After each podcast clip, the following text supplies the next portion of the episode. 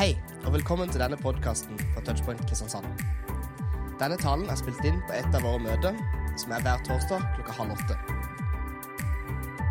Ja, For dere som ikke kjenner meg, så heter jeg Viggo Klausen. Jobber i noe som heter Misjonskirken Norge. Det håper jeg du har hørt om, fordi det er Misjonskirken Norge som driver Touchpoint. Og Der jobber jeg som evangelist. Hvis, vet ikke om du har hørt om det? Men det er altså en som prøver å fortelle evangeliet. De gode nyhetene om Gud og om Jesus og Bibelen, det som står der. Og Det har jeg jobba med siden jeg var eh, i heltid, siden jeg var 19 år. Eh, og nå er jeg 47, så det begynner å bli noen år. Og det har vært en, har vært en fantastisk jobb å ha. Det, og jeg er jo ennå ung, så det kan jo, kan jo være at jeg får lov til å fortsette litt til. Eh, jeg bor her i Kristiansand oppe på Hånes. Der bor jeg sammen med kona mi, eh, Katarina. Og så har vi akkurat eh, satt farvel til nummer to hjemmefra, så nå er vi aleine hjemme. Vi har to barn som er voksne, som har flytta for seg sjøl og gifta seg. forskjellige greier. Så det er veldig spennende. Du, eh, jeg har eh, tatt med meg en hundrelapp i dag. Fordi jeg tenkte at her kommer det så mye fattige studenter at eh, Så jeg tenkte jeg skulle dele ut en. Altså i hvert fall én av dere som kom her med fattigdommen knugende over hodet og gjeld opp etter øra. Så nå, nå kan gå gjeldfri hjem i kveld. Det, hadde, det er fantastisk. Så eh, er det noen som eh, vil ha noe eller? Det er bare å være frimodig. Det er ikke noe å skamme seg over det her. ja, det er noen som vil ha den. Der var det en. Jeg så en hånd. Var du heldig? Jeg vet ikke hva du heter hvis du kommer opp til meg. Ja. Hva heter den heldige? Ja, kom her. Marius. Marius, ja. Jeg vet ikke om du er student engang? Jo. Ja, du er det. Ja. Men jeg jobber jo litt òg. Du jobber litt, altså. Ok. Så jeg valgte egentlig en som Ja, det er fint. Så da spør jeg deg Hva heter du for noe igjen? Marius. Marius. Så spør jeg deg, Marius, vil du ha denne hundrelappen som hos deg står? Ja. Ja. Ja. Så vær så god. Så enkelt kan det være å bli rik. Ja. Og eh, eh, det er jo litt sånn at jeg, lurte på, Har jeg lyst til dette her i kveld? Å dele ut en hundrelapp? Jo, ja, det har jeg lyst til, så da gjør jeg det. Og mine handlinger i kveld og min bestemmelse forandra et liv. Fantastisk. Og, eh, og han eh, sa jo også ja tror du av sin egen store frie vilje. Så sa han ja. Så av min frie vilje så ga jeg deg det, og av din frie vilje sa du ja. Er ikke det fantastisk? Å ha fri vilje? Men det er faktisk noen som sier det at det vi opplevde akkurat nå, det er en illusjon. Det er noe vi mennesker tror at vi har. Vi glemmer at vi er eh, i en veldig lang tidshistorie, på flere milliarder år, vil noen si. Og at det her lille, lille sekundet, lille fisen i kosmos av det vi lever, det forandrer ingenting. Og det er en ganske smart tanke. Så det at vi tror at vi har fri vilje, at vi kan velge ting og sånn, det, det er bare noe vi tror. Noen vil si det. At det er rett og slett bare noen sånne De signalene som danser rundt inni huet ditt akkurat nå, de er bare et resultat av veldig lang tid, evolusjon og tilfeldigheter. Så hvis du sitter her og er forelska, beklager. Det er bare en kjemisk Det er bare en kjemisk reaksjon. Det går over. Og om 100 år er allting glemt. Og Det er jo en måte å se på det på som er litt trist, da. Synes jeg. Men er det sant er det sant på en måte at det er en slags eh, illusjon at vi har en fri vilje? At det er egentlig bare noe vi, vi tror? Eh, stemmer det med virkeligheten? For hvis det er sånn, da, så betyr det at egentlig så er det ikke heller noe å, å velge imellom. Det er ikke noe godt, og det er ikke noe ondt. Det er ikke noe riktig, det er ikke noe galt. For alt er egentlig bare en lang utvikling og tilfeldigheter har trådt inn. Og tilfeldigheter og tilfeldigheter, og her sitter vi i dag. Så egentlig så finnes det verken godt eller vondt heller. Det er på en måte konsekvensen av å tenke sånn som dette her. Og da merker vi at i virkelighetens liv så er det jo ikke sånn. Fordi at f.eks.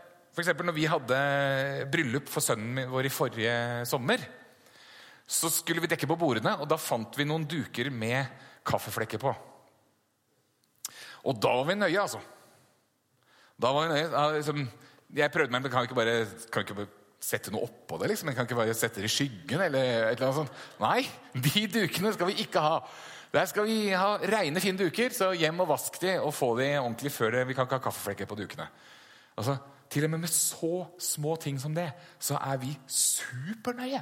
På en måte, Det er feil å ha kaffeflekker på en duk i et bryllup. Og det er riktig at de er rene og hvite. sånn. Det er ganske små ting i livet, men til og med der er vi nøye, liksom. Og eh, Noen er jo nøye på dette med at det, det er bra å ha en kjæreste, men det er ikke så bra å ha to. Sant? Det er riktig å ha én, men det er, det er, feil. Det er liksom noe inni oss som sier at det er feil. Og så vet Vi også det at vi har et rettssystem som er kjempenøye. En liten liten flekk på ei leppe, liksom. To år ut. Eh, og enda verre hvis du har drept noen, så havner du bak lås og slå og da, Det nytter jo ikke på en måte i rettssystemet å stå og si det at ja, jeg er bare et resultat av veldig lang tid og utvikling og evolusjon. Og, og tilfeldigheter. Jeg sto tilfeldigvis der, hadde tilfeldigvis en børsa der, og det, han gikk tilfeldigvis forbi, og jeg skjøt tilfeldigvis. Og, og det, det, kan man på en måte ikke si i et rettssystem. Og det heter til og med rettssystem for at noe er rett. på en måte. Og rettferdigheten den skal tas vare på i rettssystemet. Det har jeg ikke googla, men eh, det virker på en måte fornuftig. At det er derfor det heter rett. Eh, men er du med meg så langt? Så på en måte, Virkeligheten rundt oss sier at vår vilje den er aktiv, den er skapende. Når jeg tar en bestemmelse for noe, så skjer det noe som ikke ville skjedd hvis jeg ikke tok den bestemmelsen. Og noe er godt, og noe er ondt. Og vi kjenner det på en måte her inne, at noe er godt, og noe er ondt. Og så lurer jeg på en måte, Hvor kommer denne overbevisningen av at hvis jeg gjør det gode, så skjer det gode ting. Hvis jeg gjør det onde, så, så skjer det vonde ting. Hvor kommer denne indre overbevisningen i hvert menneske fra? Det er et spennende lite eksperiment. Vi har jo det I mange kulturer bak oss så er det rettssystemer. Vi kan finne ut at Alle har hatt en form for lovverk og rettssystem. Noe er riktig, noe er galt. Du skal, du skal, stå til ansvar for det du gjør mot andre mennesker. Du skal ta ansvar for det du sier om andre mennesker. Og Hvis du går skikkelig langt tilbake, så finner du et sånt rettssystem nedskrevet på steintavler. De steintavlene fins jo ikke lenger. da. Men dette er fra et folk som levde for mange tusen år siden, som hadde et rettssystem, som hadde lovverk. Og disse lovene de virker på en måte udødelige. De varer bare og varer. Altså du kan kjenne deg igjen. Så det er 4000-5000 år gamle ting. Og Likevel så kjenner moderne mennesker seg igjen disse lovene. Du skal ikke stjele. Du skal ikke ljuge. Du skal ikke drive hor.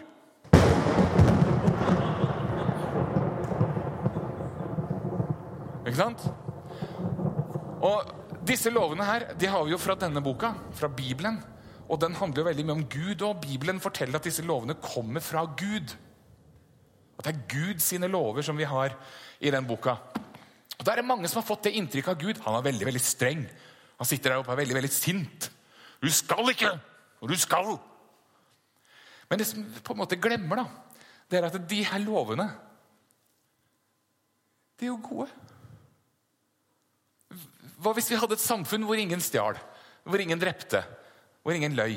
Det er litt tungt når ingen ljuger, men, eh, for da må vi høre på sannheten hele tiden. Men det er gode lover.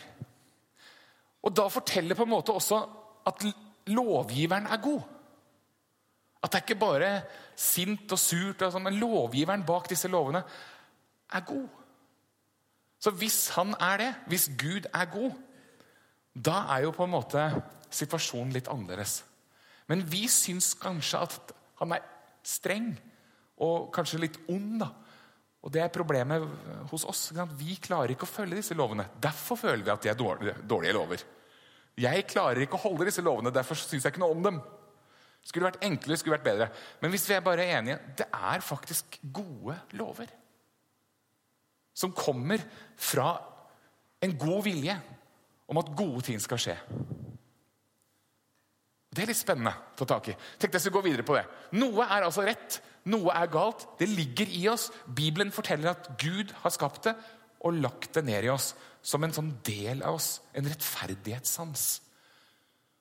Så Noen ganger så kan vi bli rasende, vi blir følelsesmessig engasjert over noe som er blodig urettferdig. Helt fra du var fire år og fikk mindre saft enn han andre som fikk saft. ikke sant? Helt derfra liksom, så ligger dette.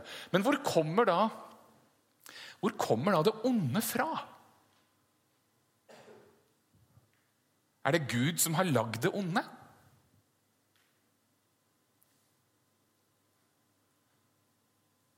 Det, det, der er, det, der er, et vanskelig spørsmål. Jeg skal prøve å, å svare på det. Jeg tror egentlig at det onde ligger som en mulighet i våre valg. At vi ikke er forhåndsprogrammerte til å følge de ti bud, men vi har en fri vilje som gjør at vi kan velge det gode bort. Da blir det onde stående igjen. Så det onde er en mulighet i våre valg. Hvis, hvis lovgiveren er god, hvis Gud er god, så tror jeg han har et ønske om at vi skal, at vi skal få oppleve hvor godt det er å velge godt. Derfor har vi fått muligheten til å velge. Fordi at vi skal få det kicket av å velge godt. Gud velger det gode. Han velger kjærligheten, han velger rettferdigheten. Han velger alltid lyset. Og han, han får et kick av å velge det gode, virker det som. Gud er god og får et kick av å velge det gode. Og så skaper han mennesker og sier Kjenn på dette! da. Kjenn på dette! Hvor deilig det er å velge det gode. Og gå inn i det gode. Jeg tror han ønska at vi skulle gjøre en erfaring, og at vi skulle merke forskjell på godt og vondt fra hans side. Fra den gode siden. Men, men så er det sånn, vi bruker ofte vår frie vilje til å velge det onde. Er ikke det merkelig? Vi bruker det oftere. Så hvor kommer det onde fra? Bibelen sier noe om det. At det kommer fra oss. Fra våre hjerter. Vi har en tendens til å skylde på djevelen. Da. Det kommer fra djevelen. Ja, nei, Så kjapt kan vi ikke si det. Det må innom oss. Hvis vi har fri vilje, så kunne vi valgt det onde bort. Og så står det her Fra hjertet kommer onde tanker. Mord, ekteskapsbrudd, hor, tyveri, falsk vitnesbyrd, spott. Dette er det som gjør mennesket urent. Det er Jesus som sier dette her. Det er ikke det vi putter inn i munnen og det vi har på oss og klærne som gjør mennesket urent. Det er det hjertet velger, og det hjertet serverer. Det kan gjøre mennesket urent. Så hva velger vi? Velger vi det gode, eller velger vi det onde? Ofte er det sånn, Hvis vi velger det onde, så forsvarer vi oss veldig. Vet Da drar vi det fram at vi har fri vilje. 'Jeg har jo fri vilje.' Altså, 'Ingen har noe med det. Jeg har fri vilje.' Ja, du har fri vilje. Men du kan jo velge det gode for det. Altså, det hadde jo vært fint. Eller det er mitt liv. Men jeg, jeg velger sjøl. Det er mitt liv. Ja, ja, ja, det er ditt liv, og du velger sjøl. Men du kan jo velge det som er bra. Og så slår vi til med Det er min kropp! Og da beveger vi oss inn i eh, tåkeland. For noen av oss er jo der at vi tenker at det er vår kropp. F.eks.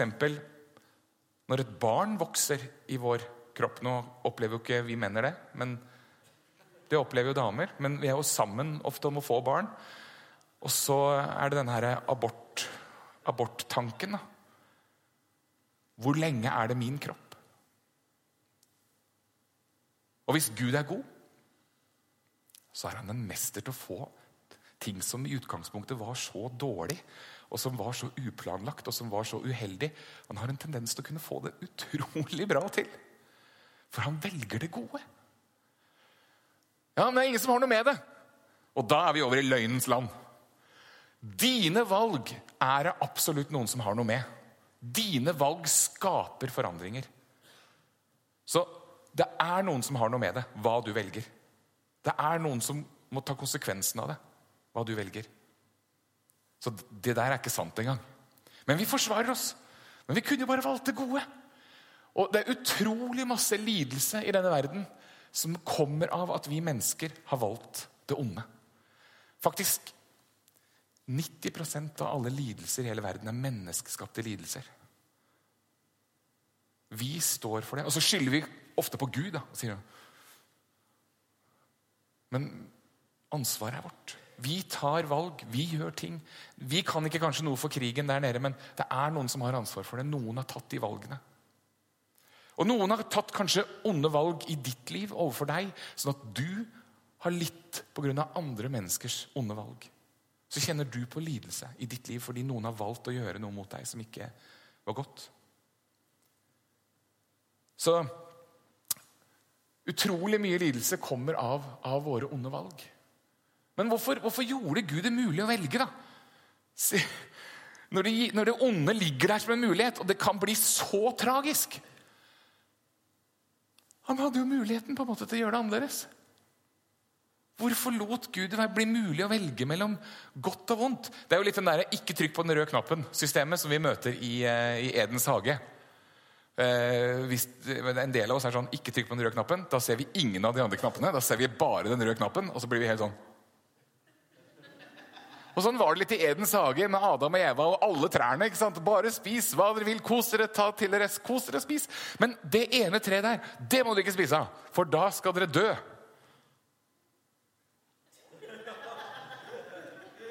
Oh. Og så, trekkes vi mot det der røde flagget. Som en måte, men de hadde muligheten til å velge. Og jeg tror det er et utrolig viktig aspekt i hele greia her. Vi har fri vilje. Og det kommer fra noe godt. Altså Den frie viljen er god. Han måtte nesten gjøre det sånn. Jeg skal gi et lite eksempel. her. La oss si dette er kona mi. Det kunne vært det. Hun er 50 år. Det er ikke kona mi. Eh, men la oss si det. Og så eh, hadde det vært så fantastisk for meg hvis jeg hadde kunnet eh, Hvis det hadde vært et sånt lite sånn display bakpå som jeg kunne programmere innimellom. Sånn der, når jeg syns det blir kjipt å være Viggo, så kunne jeg programmere en sånn derre Når jeg kommer hjem fra jobb, så kan hun si 'Nei, så fin du er. Så pen du er. Jeg elsker deg.' Taste det inn og Hva skal jeg finne på nå? Og så når jeg da kommer hjem fra jobb, da, så står hun i døra med forkle, litt mel på kinnet. Og så sier hun 'Å, så fin du er. Jeg elsker deg.' Å, 'Her er stolen, sett deg ned. Fotballkampen begynner. Her er godteskåla.' Altså, det er mange ting jeg kunne tenke meg programmert inn der. Men hvis tida går en stund, så kommer jeg hjem fra jobb og er sliten, og så står hun der 'Hei, jeg elsker deg. Jeg elsker deg. Jeg hører det der.' Her er stolen din. Sett deg ned. Her er godtskåla. Det hadde jo blitt så utrolig kjedelig, fordi jeg vet at jeg har programmert deg til å si det. Her er det ingen, ingen ekte kjærlighet. Det er ikke et menneske engang. Det er en maskin. Jeg har kjøpt meg en sånn dokke vet du, som du kan få kjøpt i Japan. Nei, det her blir kjedelig, altså. Men du, hjemme hos meg så er det sånn Jeg kommer hjem fra jobb, står kona min og sier 'Hvor har du vært hen, da?' 'Du skulle vært der for en time siden.' 'Og du skulle vaske do.' Og så er det 'Hallo, lokket står oppe! Kan du lukke det igjen?' Etter å ha vært på do. Sånne ting får jeg høre. Men en sjelden gang iblant så står jeg og sier 'Viggo, jeg elsker deg'. Og da kjenner jeg bare Jeg blir helt gelé i hele kroppen. Åh, når det skjer, liksom, når den dagen i året er kommet ah, da er det bare ho, ho, oi. Sant? For da vet jeg dette kommer fra hjertet. Dette mener hun. Og mon tro om ikke Gud er akkurat lik? At han ikke ønsker en gjeng som bare sier ferdige ting som vi var programmert til. Og da ligger jo faremomentet der at vi skal si noe annet. Kanskje vi har en Gud som ønsker intimitet. Vi har en Gud som ønsker å komme nær. Det kan se sånn ut i Bibelen. En Gud som ønsker ærlighet, åpenhet, rettferdighet, nærhet, intimitet. Men så velger vi avstand. Vi kan søke intimitet, for vi, vi lengter etter intimitet. Alle mennesker gjør det. Eh, en lang periode så søkte jeg intimitet i mat og ble veldig veldig tjukk og tung og sliten. Man kan søke intimitet i seksualitet. Det er jo veldig intimt, men så lenge det er seksualitet og ikke noe annet, så blir det egentlig ikke så intimt. egentlig. Vi kan søke det i makt, i posisjoner. Og så står en Gud der og sier, 'Jeg ønsker nærhet, jeg ønsker intimitet med deg'. Det er derfor jeg har skapt alt dette her. Det er derfor jeg har laget alt dette her. Men han kan ikke styre vår vilje. Så den dagen da du sier, 'Gud, hvis du fins der ute' nå, nå kommer jeg til deg. Da står han og kjenner at han blir helt gelé i knærne. Ser for meg og bare Nå skjer det. Nå kommer det et hjerte her som ønsker intimitet. Men så er det jo en del som spør, da. Ok, alt det her onde skjer. Det er greit. Ok, vi skjønner greia. Vi måtte ha fri vilje. Men hvorfor gjør ikke Gud noen ting da, med alt det onde? Hvorfor gjør han ingenting med det? Og Det er et veldig veldig betimelig spørsmål. er det ikke det? Og det spørsmålet her, det skal man, det skal man passe seg for å svare kjapt og kjekt på. altså. Så det skal ikke jeg gjøre heller. Men jeg skal prøve å gi et lite svar. Jeg har eh, tre venner. Alle disse tre vennene har opplevd store lidelser i livet sitt. Men felles for de alle er at de har en veldig intim og nært forhold til Gud. Anne Katrine her, første, hun opplevde så masse overgrep fra både familiemedlemmer, lærere på skolen og til og med pastor i menighet. Samme dama overgrep fra alle disse tre instansene. Som hun åpna seg for og ble forferdelig såra. Og skrevet en bok om det som jeg ville anbefale å lese. 'Aldri mer et offer'. Hvor hun på en måte reiser seg. Og Anne forteller i denne boka at hun, hun lå på gulvet i kjelleren.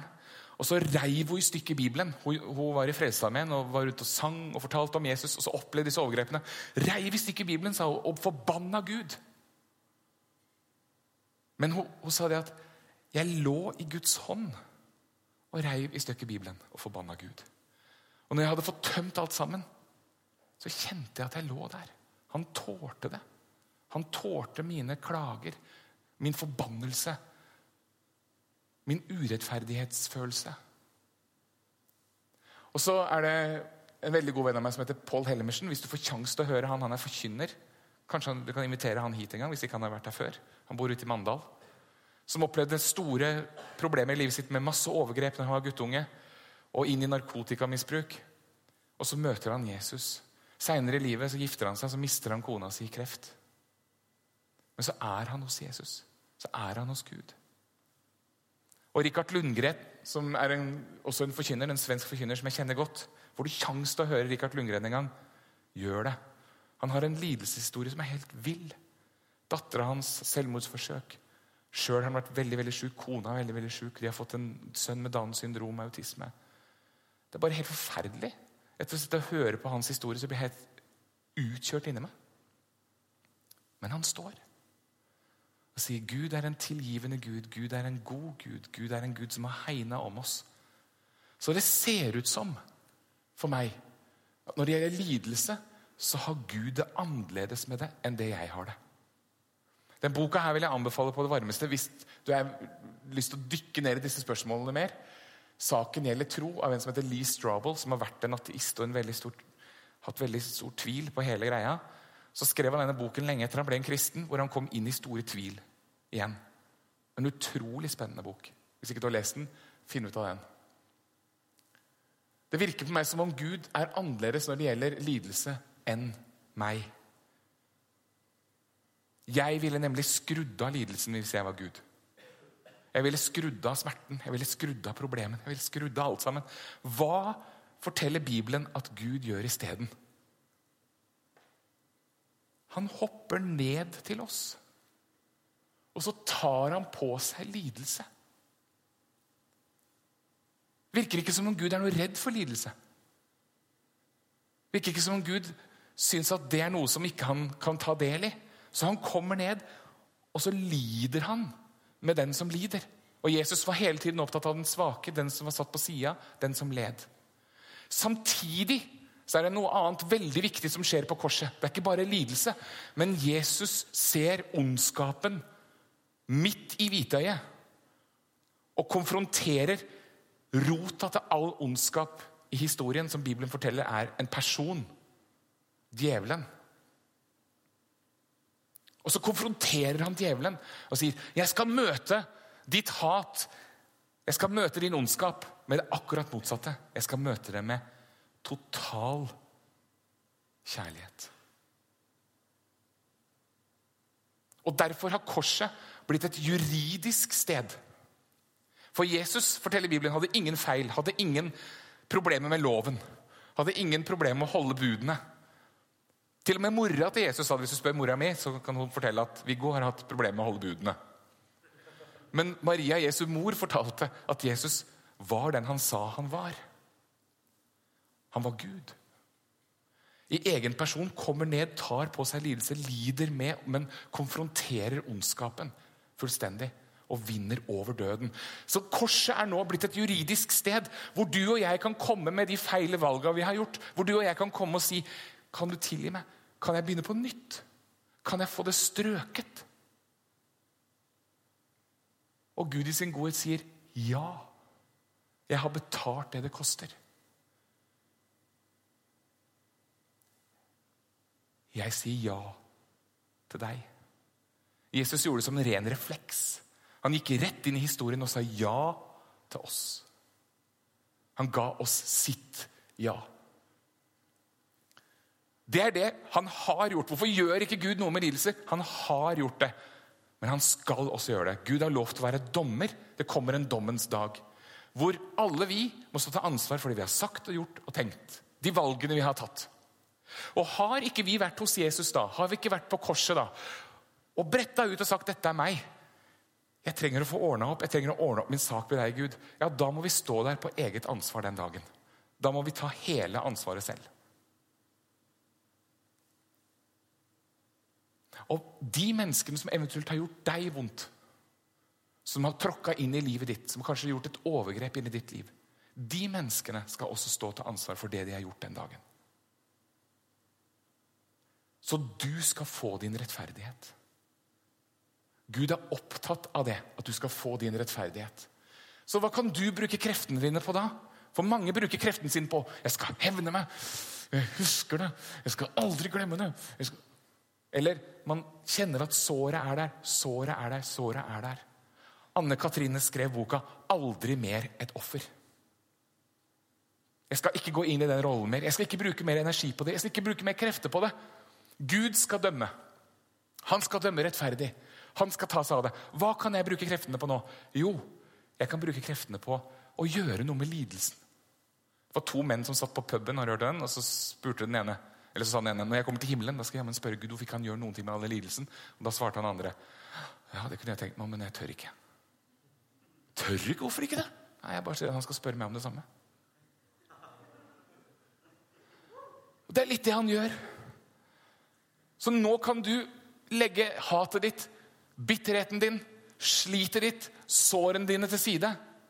Og så kan du jobbe med din tilgivelse hvis det er noen som har gjort noe ondt mot deg. Og det betyr ikke når du tilgir, at du sier 'det var ok', det du gjorde. Det betyr 'det var ikke ok, men jeg er ferdig med det. Jeg er fri fra det du gjorde. Nå går jeg videre i livet'. Det er ikke sikkert vi skal være kompiser mer, faktisk. Men jeg går videre i livet. Du er tilgitt. Og så kan vi bruke energien vår på å forandre den verden vi lever i forandre de menneskene som er rundt oss, og leve ut den godheten, leve ut den kjærligheten. Og hvorfor kan ikke jeg dømme, da? Er det min jobb å dømme noen? Gud skal dømme. Jeg kan ikke dømme. Men har jeg lov til å si at noe er rett og noe er galt?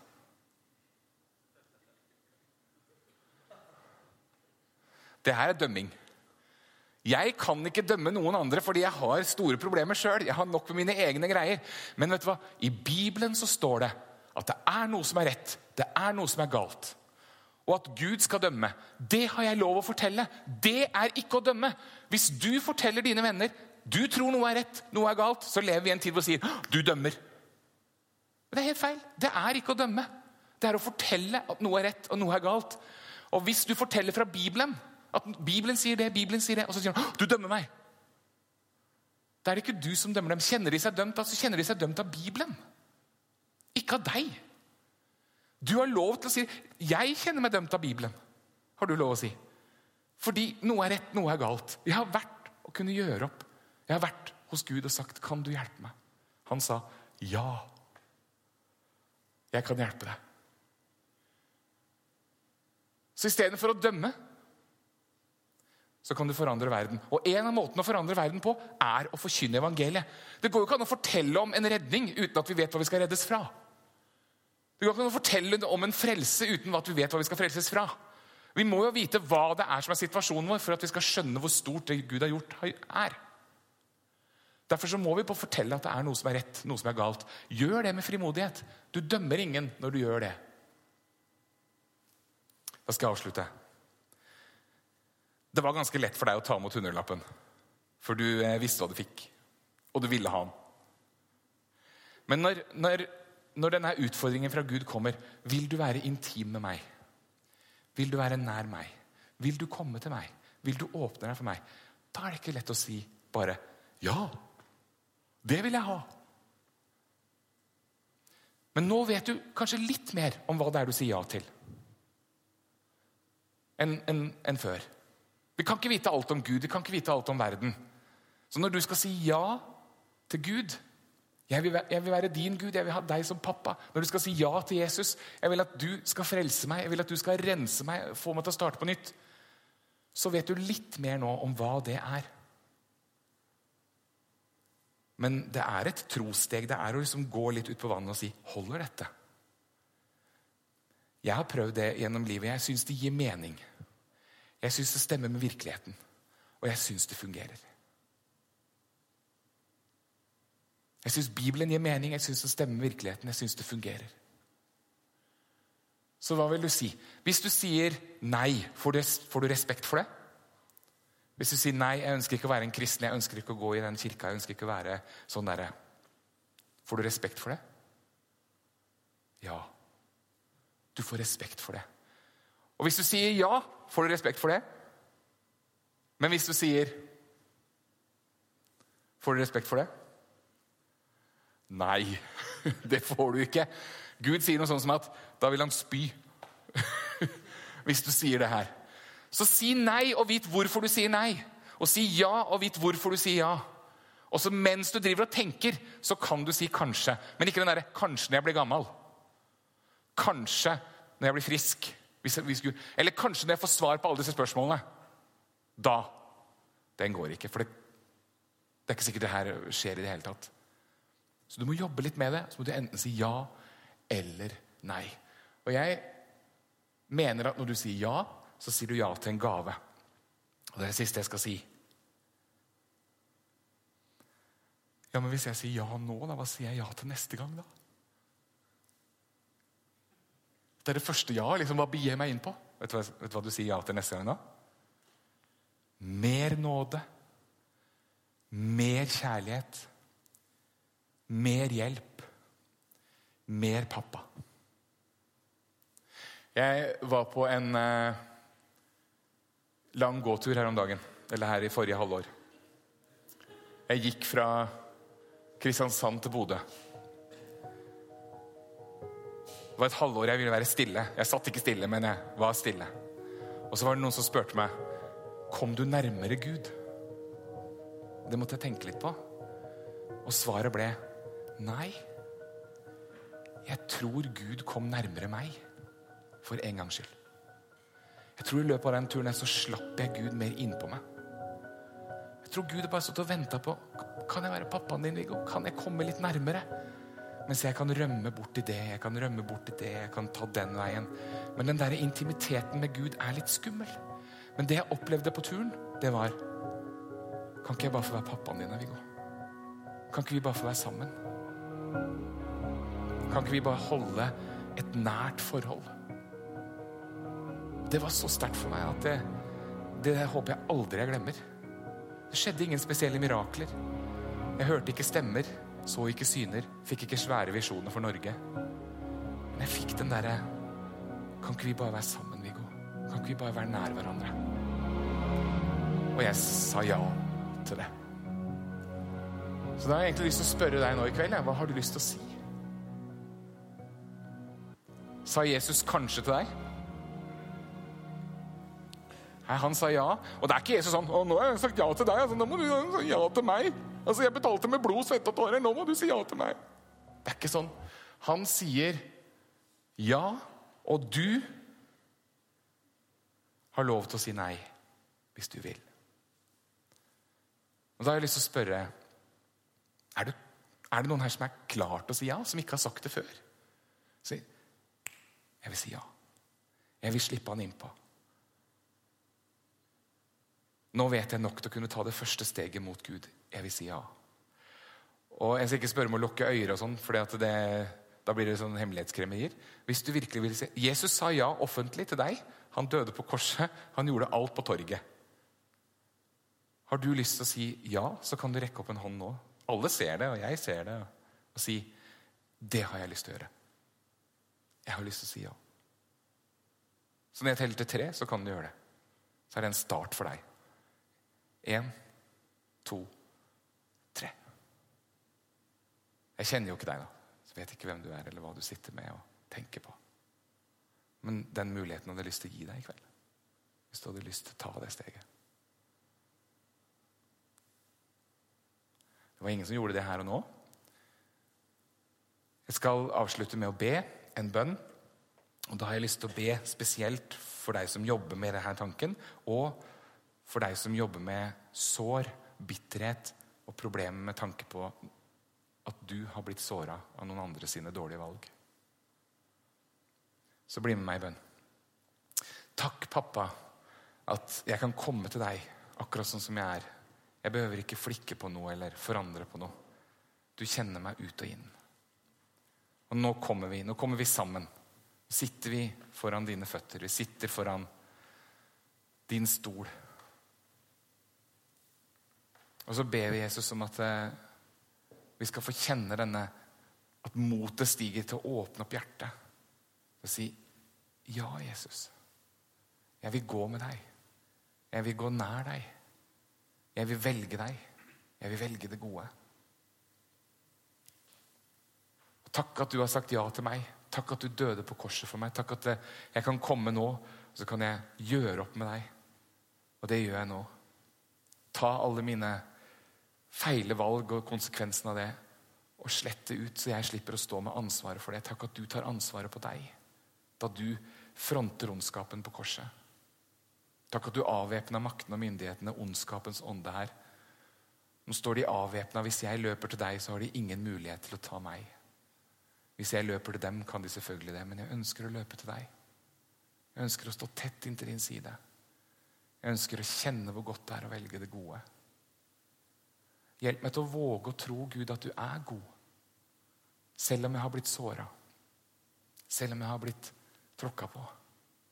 Hjelp meg til å ta steget inn i ditt lys og håpe på at jeg ikke skal bli skuffa igjen. Håpe på at jeg ikke skal bli såra igjen. Du har lovt å bruke tid med meg og ta deg av meg, og nå kommer jeg.